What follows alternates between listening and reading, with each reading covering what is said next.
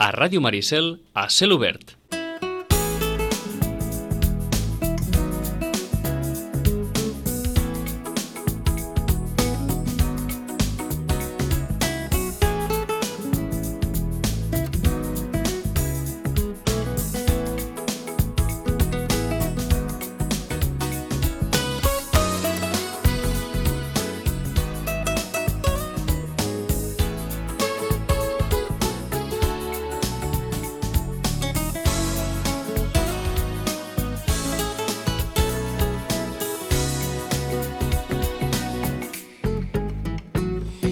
Avui és un d'aquells dies que, com que deu ser ple estiu, el suplement de cultura de l'avantguàrdia no porta la llista dels llibres eh, més venuts. No sabem si... Bé, a l'estiu se'n venen, eh, també, però no, no teníem la llista, n'hem anat al portal Llibrescat, on hi ha també un, un repàs als llibres més venuts, tant en, en ficció com no ficció eh, en, en català. N'hi ha una bona colla dels que ja hem comentat amb la Rosana Lluc, però de moment posem fil parlant de la situació i saludem a la Rosana.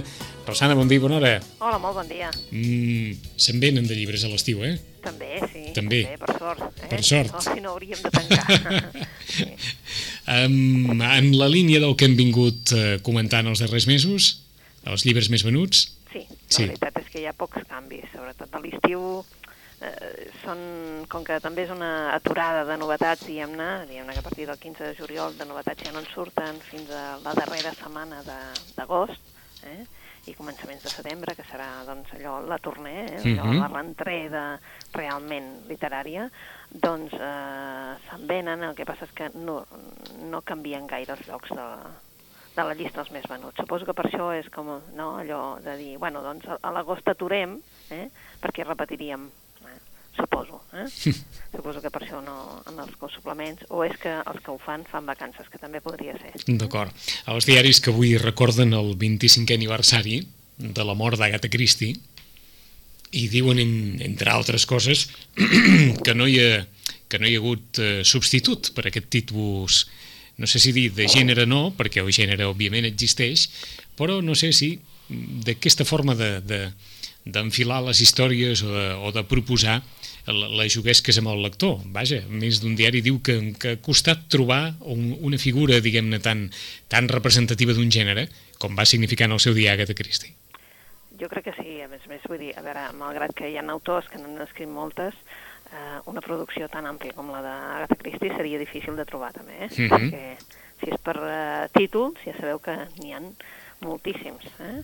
però bé, eh, RBA els està realment tornant a publicar en gran, o sigui, amb la col·lecció de novel·la negra, els està republicant, és a dir, els està posant una altra vegada amb la col·lecció de novel·la negra, amb reivindicació dels llibreters de que això ja estava en butxaca i que ens ho tornin a posar en butxaca, que serà més econòmic, però vaja, veig que no, no hi ha, i tampoc no hi ha voluntat, nosaltres volíem que hi hagués una voluntat de dir que ens recuperessin la, la col·lecció en català, Vaja. i això no hi és. La voluntat aquesta, Mm. eh, que Molino tenia tota la col·lecció Sí, d'Agatha Christie en és que, català, és que ho dic perquè segurament molts recorden, o molts tenen a casa seva Sí. encara, alguns d'aquells llibres de butxaca de l'editorial Molino, sí, de, de la col·lecció d'Agatha Christie en, en català, que eren eh, amb, amb rústica, si no recordo malament, però amb unes portades molt, molt, molt, aquelles portades d'abans que insinuaven moltes de les coses de la novel·la i que venia de gust llegir, i, i eren llibres que segurament encara roden per moltes, per moltes cases, per no? moltes cases, suposo. I, i hi ha aquestes ganes de, de tenir la Gata Christie en català,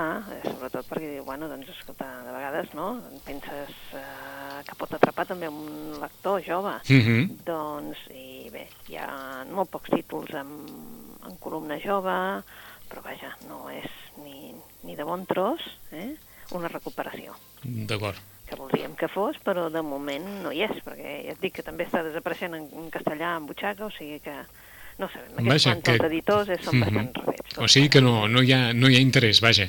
No, el que, el, hi ha interès en posar-la en la mateixa col·lecció de novel·la negra. Eh? Ahà. RBA, saps que té aquella col·lecció, Sí, que ara ja sí. és col·lecció de debò, vull dir, perquè s'ha de reconèixer, o sigui, és tota una estanteria que només són RBA novel·la negra, perquè s'estan especialitzant en això, em sembla bé, el que passa que, és clar pagar les manzanes 18 euros no em sembla bé. Ja. La veritat és que no.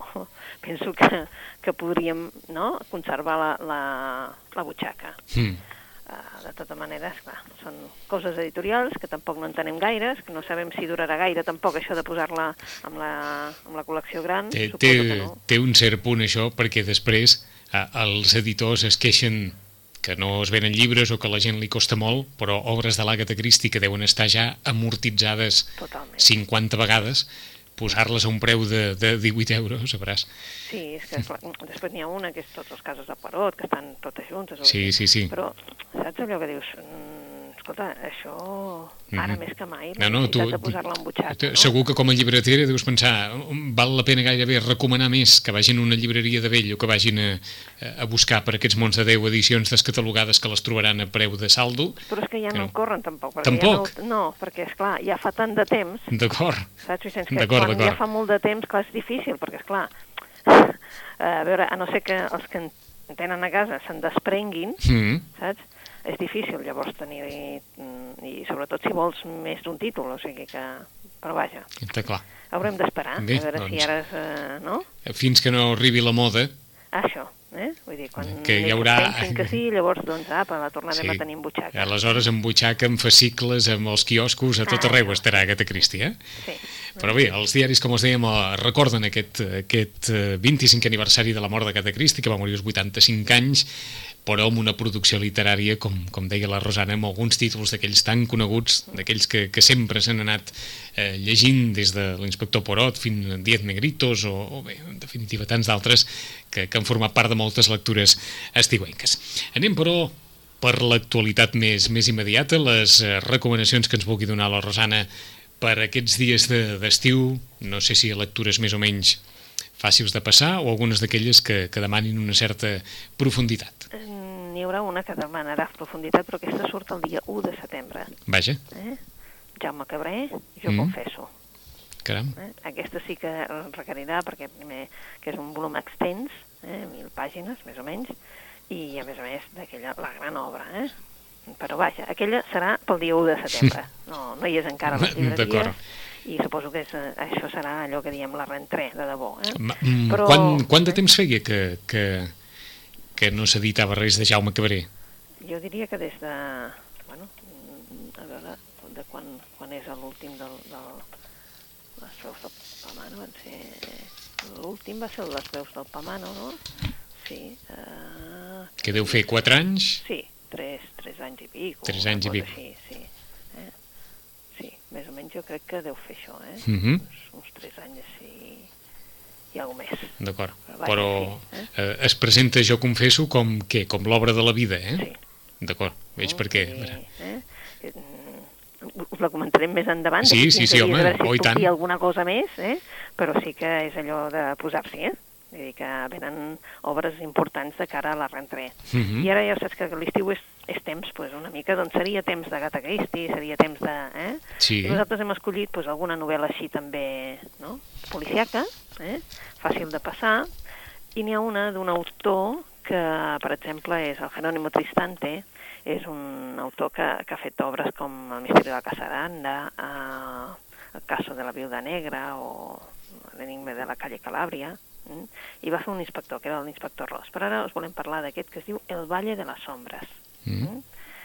Ja sabeu quin el tema aquest que tenim de uh, aquest mm, bueno, d'aquest vall que hi ha, eh? prop de Madrid, eh? on algú va voler fer un monument així extraordinari a la seva lloó. Bé, doncs estem parlant d'un paratge de la Serra de Madrid, a Cuelgamuros, a la Guerra Civil acabat, i Franco vol construir què? Doncs un gran mausoleu, eh? allà on enterraran a tots els caiguts de la, guerra. Mm? Eh, clar, per fer les obres, eh, um, doncs què tenim? Doncs, Rosana anava, anava a fer una mica de broma. sí, Per fer, per ser una lectura d'estiu... sí eh, per, aguantar, per posar, eh, per posar això Hem- hem- als ens, hem, nervis, eh? És ens, a dir, en- bueno, tu... ens hem posat ens hem posat això a dir, bé, vaja, eh, això és què? La història del Valle de los Caídos? Exacte, però en el Valle de los Caídos, evidentment, allà hi havia, bueno, doncs, eh, hi havia el Roberto Alemán, un héroe de l'exèrcit nacional, que ens Sí. el presenten, eh, perquè ell és enviat perquè investigui veure que no hi hagin desfalcos i que no hi hagin, vaja, que no, la gent no s'embutxaqui diners, eh? Uh -huh. I després també tenim el José Antonio Tornell, que és un antic policia durant la República. Vale? Uh, bé, són dos personatges, dos personatges que en principi no són amics, diguéssim, eh? Uh, és una mica doncs, que es miren, amb... s'aguaiten, eh? dient a veure què fa un i què fa l'altre, no? Uh, de, de cop i volta, doncs, un dels presos uh, mora, mora en estranges circumstàncies i el Tornell està convençut de que ha estat un assassinat. Ningú no ho vol creure, però bé, trobarem a l'alemany que sí que ell pensa que hi ha hagut alguna cosa estranya. Tots dos, eh, sortint de tots els paràmetres normals, comencen a investigar. A partir d'aquest moment, doncs, ja no es miren amb tant de recel, eh, però és que resulta que el cas cada vegada es complica més. Hi ha gent que es comença a posar nerviosa, eh? Per què? Pues perquè ve el dictador. I quan ve el dictador, pues, clar, eh, evidentment, doncs, no hi ha res que pugui fallar. Eh? Uh, han passat moltes coses, uh, res és com era abans, uh, exactament el que està passant podria canviar la història d'Espanya. En definitiva és una novel·la, una novel·la ambientada en la construcció de, de la Valla dels Caiguts, però mostra com, en definitiva, malgrat tot, dues persones que podien ser fins i tot de faccions totalment diferents, poden ser amigues, eh? i és una novel·la, allò, per passar-t'ho bé, una uh -huh. novel·la d'intriga, però el que passa és que ens posen allà expressament, no?, i una mica per tornar a parlar del tema del Valle dels Caiguts. D'acord. De Jerónimo Tristante, el Valle de les Ombres, sí. A l'entorn de la construcció, o tenint com a escenari la construcció del Valle de los Caídos, una història d'una mort que uneix els destins de Roberto Alemán i José Antonio Tornell, un heroi dels nacionals amb un policia republicà. Sí, és una mica, doncs, ara que parlem de l'altre, de, de la deconstrucció, sí, ara, sí, sí. doncs surt la novel·la de la construcció. De la construcció eh? del Valle de les Caïdes. Exacte. Eh? Per on seguim? Seguim per un altre, un altre que està sent un dels més venuts aquest estiu, que és evident que, doncs, bueno, uh, parlem del John Verdon, un autor que va escriure un llibre que en principi doncs, va ser un boc orella, eh, perquè no s'havia fet una gran campanya, que hi havia una portada, la gent el demanava com el llibre que porta en la portada porta números, no? Aquell era el cel que estàs pensant. Eh? El cel que estàs pensant eh, doncs ens presentava amb un policia que es retirava, que es volia retirar, vull dir, està a punt a punt de retirar-se per anar-se'n a viure doncs, allò a la natura, amb la seva dona, etc etc. quan de cop mm, rep un, una carta d'un company d'estudis que li diu que no se'n recordarà d'ell, però que eh, primer no en volia fer cas, però ha començat a rebre doncs, eh, anònims, eh? que, que, el, que, vaja, que l'amenacen de mort. Eh? A partir d'aquell moment, doncs, el David que, eh, Garney el que fa és bueno, posar-s'hi i, evidentment, acaba trobant doncs, eh, o descobrint què passa amb això d'aquestes aquest, eh, amenaces. I aquella era la trama de cel que estàs pensant. Uh -huh. uh, quan la gent acabava aquest llibre deia, bueno, quan ve el segon, doncs ja ha arribat el segon, és no obris els ulls, i el no obris els ulls, el David Carn, uh, bueno, ara ja després d'això, de, de topar-se amb aquest assassí intel·ligent, etc etc, uh, pensa que que el temps de retirar-se potser encara no li ha arribat. Eh? I llavors, clar, eh, a l'haver-se trobat amb el cas més difícil quan es pensava retirar, pensa que ara no és moment. Eh? Mm, el que passa és que ara es toparà amb un assassí eh, molt més fred i ara que amenaça és precisament el punt dèbil de, de tota persona, la família, la seva dona. Mm? Ha passat un any des de que l'ex-detectiu de Nova York eh, va atrapar aquell assassí i ara eh, se li presenta un cas de forma imprevista. Per què? Perquè hi ha un casament i la nòvia és assassinada de manera brutal durant el banquet de noces. Eh? Hi ha un munt de convidats al, al jardí i, evidentment, doncs, eh, moltes pistes perquè, clar, la gent qui és l'assassí, perquè això s'ha fet allà davant de tothom. Eh? Uh, clar, mm, tot sembla que tot un munt de pistes apunten amb un jardiner, un jardiner, una persona molt misteriosa, fins i tot amb problemes de, de conducta, etc. però per ell no encaixa gens res del que li estan presentant, ni el mòbil, ni la situació d'on troben l'arma i sobretot eh, la manera de fer-ho. Mm, el Garni, el David Garni, el que comença és uh, unir tots els punts fins que arribarà a trobar doncs, que darrere de tot això no hi ha només l'assassinat d'aquesta noia, sinó que hi ha molts negocis sinistres, moltes trames ocultes i, en definitiva, doncs, és una novel·la d'aquelles per estar assegut, eh, a l'ombra sobretot, i anar passant fulls. És un thriller per aquest estiu. O sigui que qui ho vulgui provar es pot comprar els dos, no? Exacte. El cel que estàs pensant i no obris els ulls Sí. i faran un, un pack sencer, per dir-ho així, amb una, amb una història comuna o amb un protagonista comú. Sí, sí, sí, el que està passant, doncs, que la gent diu, bueno, i, i el primer, doncs, eh, i clar, s'està venent també el primer perquè la gent, doncs, diu, no, no, doncs vull començar pel primer, i és això el que tu dius, eh, fer un Mhm. pack de, de tots dos. Doncs si volen començar pel primer, El cel que estàs pensant, de John Verdon, i si volen continuar amb la història de David Carn, el, el detectiu que en el seu dia va destapar un cas i que ara es troba amb aquest assassí fred que ens comentava la Rosana que amenaça la seva pròpia família, no obris els ulls, novel·la acabada de sortir i que per una d'aquestes tantes tardes d'estiu o digues d'estiu els pot anar d'allò més bé. Per on seguim, Rosana? Doncs seguim perquè a l'estiu també és temps de novel·la, de novel·la històrica i la veritat és que hi ha un autor que ja n'ha publicat un munt però ara ens ha canviat d'editorial. Normalment publicava Editorial Edassa i ara ha publicat a Editorial Planeta. Us parlem de José Luis Corral i ara ens presenta La prisionera de Roma. Realment si hi ha una època d'història que agrada a la gent que llegeix novel·la històrica és Roma i l'altra és Egipte. En aquest cas és Roma, eh, i ens parlem del finals del segle III. Mm, hi ha una dona, una dona que diuen que va ser molt vella, no és Cleopatra, sinó que és del llinatge de la Cleopatra i es deia Zenòbia. Va ser, diguéssim, la senyora de Palmira, eh? i va governar, doncs, eh, va atrevir-se a anar contra l'exèrcit de Roma. Eh, estem en l'any 267 i hi ha una dona, aquesta, la Zenòbia, que en definitiva eh, es converteix en la soberana de, de Palmira, eh? a Síria. Uh, per què? Doncs perquè han matat el seu, el seu, el seu espòs, l'Odenato, i la Zenòbia ara eh, doncs, domina tota aquesta zona del Mediterrani, Mesopotàmia.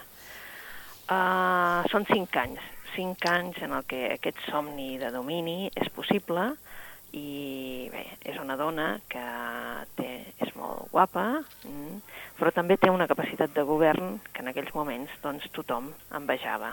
Eh? Per què? Pues perquè va reinar sobre Àsia Occidental, Egipte, i en definitiva tothom en l'imperi persa la considerava la segona Cleopatra. Eh? Però l'any 272 l'Aureliano, l'emperador de Roma, s'enfrenta al seu exèrcit i eh, perquè ell havia declarat la independència de l'imperi romà. És a dir, a partir d'aquell moment, clar, ella és feta presa, eh, llavors la reina Zenòbia, eh, que havia conquistat Palmira, eh, veu com se li en va de les mans i l'imperi romà recupera la glòria d'aquells temps dels grans cèsars. Eh? Però el fi de la Zenòbia encara és un enigma. Si llegim La prisionera de Roma, veurem eh, quines solucions dona el José Luis Corral. És una novel·la de 850 pàgines, Mhm. eh? ja us avisem. Déu-n'hi-do. Eh, és una novel·la Per unes quantes tardes, eh? per unes quantes tardes. Eh? Reconec que a la gent li agraden les novel·les així. Eh? Quan són novel·les històriques la gent vol que n'hi hagi moltes pàgines, és veritat. Que n'hi hagi, per, que n'hi hagi per estona, eh? que n'hi hagi per estona, sí, que no se li acabi de seguida, perquè, és clar, eh? sí que és cert que, que a l'estiu potser doncs, tenim tendència a, a tenir més estones per lectura, mm? o, o que les estones, com a mínim, són més llargues. Mhm. I això sí que és veritat. Doncs de José Luis Corral, La prisionera de Roma, editada per Planeta, història que ens situa a finals del segle III. Per cert, ara aquí m'ha vingut al cap sense voler. Es pot trobar, jo, Claudi? Sí, encara es Sí, pot trobar. encara es pot trobar. Encara es pot trobar en castellà, eh? En castellà. Estem parlant, estem parlant en castellà, sí. D'acord. Aliança en continua fent reedicions i... Eh? Passa que de vegades doncs, et vas i dius, bueno, ara està en reimpressió, però en definitiva, diguéssim que no és un llibre que el deixin morir. D'acord, No, eh? d'acord, ho dic per allò, Sí. eh? Per, perquè, Sí, sí, per sí, trobar així sí, un, un referent d'aquells com qui no vol la cosa, dir, bé, I, escolta'm, a més és un referent, s'ha de reconèixer. Ja, ja. Eh? Doncs si algú vol trobar de, de Robert Graves i o, i o, i o Claudio, doncs amb Aliança encara, encara ho pot trobar. Exacte. Una més, Rosana. Una més, bé, doncs eh, resulta que també és temps d'aquestes d'intriga històrica, perquè la que parlàvem és novel·la històrica. Uh -huh. La intriga és la que hi pot haver dintre la història, però no és una novel·la d'intriga històrica com realment hi ha un altre tipus de, de lector que el que li agrada no és ben bé la història, sinó que és una intriga dintre de la història. Eh? Bé, doncs eh, fa uns anys va sortir el Testamento Maya de l'Steve Alten, Uh, bueno, doncs ens deien que doncs, uh, les profecies dels maies, etc. Eh? Uh, era com si haguessin descobert el, la veritat sobre el calendari maia i, la, i si realment es deia la humanitat, doncs això era com un perill que teníem tots plegats. Eh? Es va parlar molt de l'any 2012, Uh, després hi va haver un segon llibre, eh, que era La resurrecció maia, eh? Mm, i ara apareix un tercer llibre després de molt de temps que tothom volia el tercer llibre que és 2012 mm? uh, Apocalipsis Maia la era del miedo eh?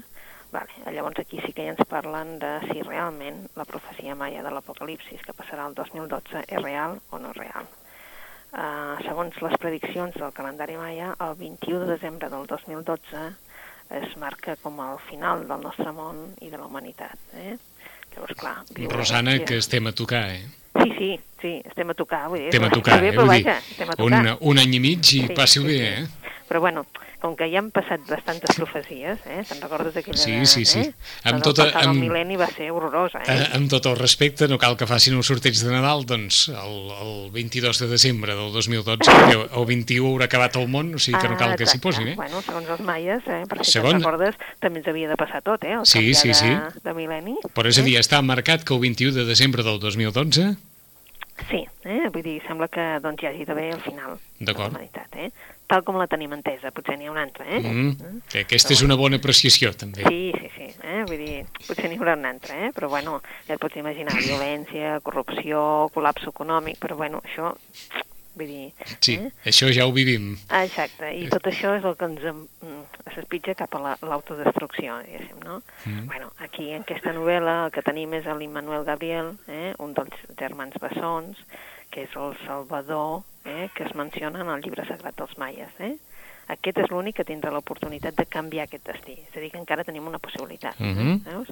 Per què? Pues perquè ell averiguarà els secrets que va desxifrar el seu avi i en les seves mans, evidentment, doncs quedarà el nostre futur. O bé, el nostre final. Eh? La Terra ja fa quatre dels cinc segles, cicles que, que apareixen en les, en les escritures. Eh? El primer va acabar amb un terratrèmol, el segon amb el vent, el tercer amb el foc i el quart amb l'aigua. I ara només ens queda el cinquè, que és l'últim. Eh? Eh, Llavors ara diuen que el seu fi serà amb la col·lisió de l'àtom, eh? provocat per un grup de físics que treballa per, eh, per recrear el Big Bang. Eh? Però el resultat podria ser la destrucció en comptes de la creació d'un univers. En definitiva, és un thriller, eh? perquè doncs és això, no? que el rellotge ja marca, no? eh? Mhm. eh, que és el 21 de desembre del 2012, eh? però bueno, és d'aquelles aventures eh, mitològiques, científica, que volen canviar doncs, eh, la visió de, del món tal, tal com la tenim. Vaja. Apocalipsis maia, eh? ja, ja ho diu, apocalipsis Sí, sí, sí, maia, no? però vaja. Eh, el, el típic llibre que quan un es troba amb un altre diu, què t'has comprat? Apocalipsis Maia.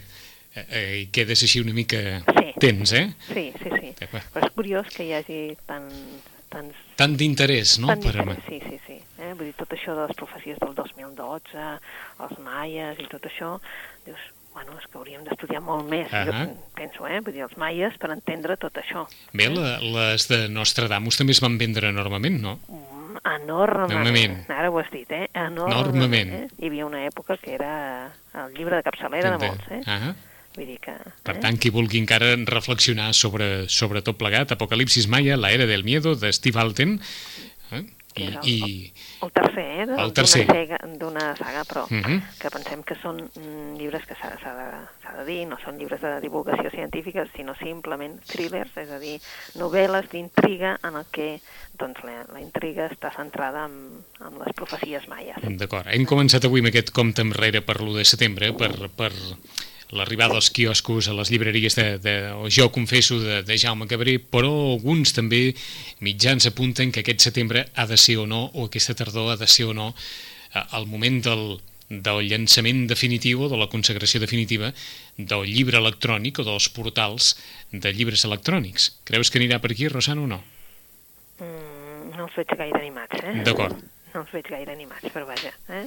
D'acord. S'haurà de veure. Eh? És que hi ha tantes coses a solucionar abans que jo no els veig massa animats, Mm, però entesos. també et dic que eh, saps, és allò, les dues bandes. Ells volen fer-ho, però sempre hi ha el però. Uh -huh.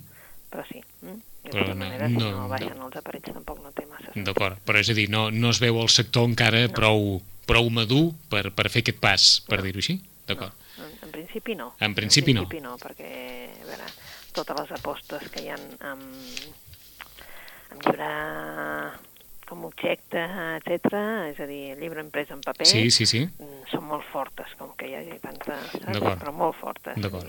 Clar, hi ha el Jonathan Franzen, hi ha aquest... Uh -huh. Sí, sí, vols dir que el que ve a la tardor en paper té una, té una potència que... Sí. És D'acord. difícil que diguis... Que és home, difícil que pugui compensar-se amb alguna altra cosa. Exacte. D'acord. D'acord. Doncs, com els dèiem, qui vulgui ja apuntar-s'ho a l'agenda, 1 de setembre arribarà a les llibreries, jo confesso, de Jaume Cabré, mil pàgines, llibre d'aquells de, de capçalera de l'autor. De, Ara de les... pensava, Vicenç, que no he mirat el calendari, no sé si l'1 és el 4, però em sembla que és...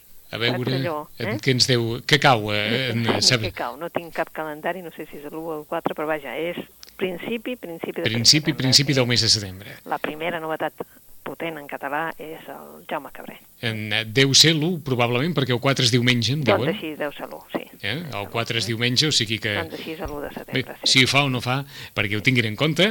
I, Exacte, i, I eh? mentrestant, la Rosana ens ha recomanat de Jerónimo Tristante, El Valle de las Sombras, eh, una història que té com a escenari la construcció del Valle de los Caídos i com a protagonista és un heroi nacional i un policia republicà que, diguem-ne, que acosten posicions i empaties davant el cas d'un hipotètic assassinat d'un dels presos de les obres. No obris els ulls de John Verdon la continuació del cel que estàs pensant, sinó la continuació eh, eh, així argumental, sí des d'un punt de vista de concepció de la novel·la, amb la història d'un detectiu que es toparà amb un assassí fred que amenaça a la seva família. De John Verdon, no obris els ulls, qui vulgui també fer un pack sencer, com dèiem, amb el cel que estàs pensant.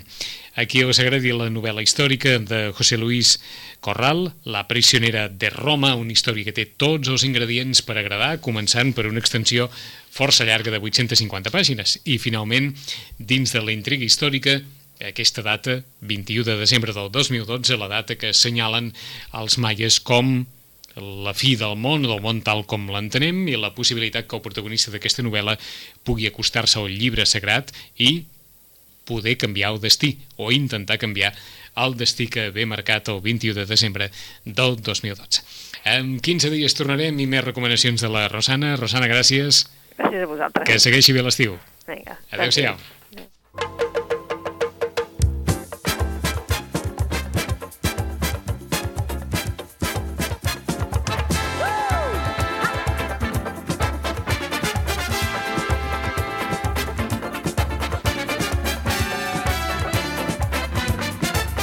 A Ràdio Maricel, a cel.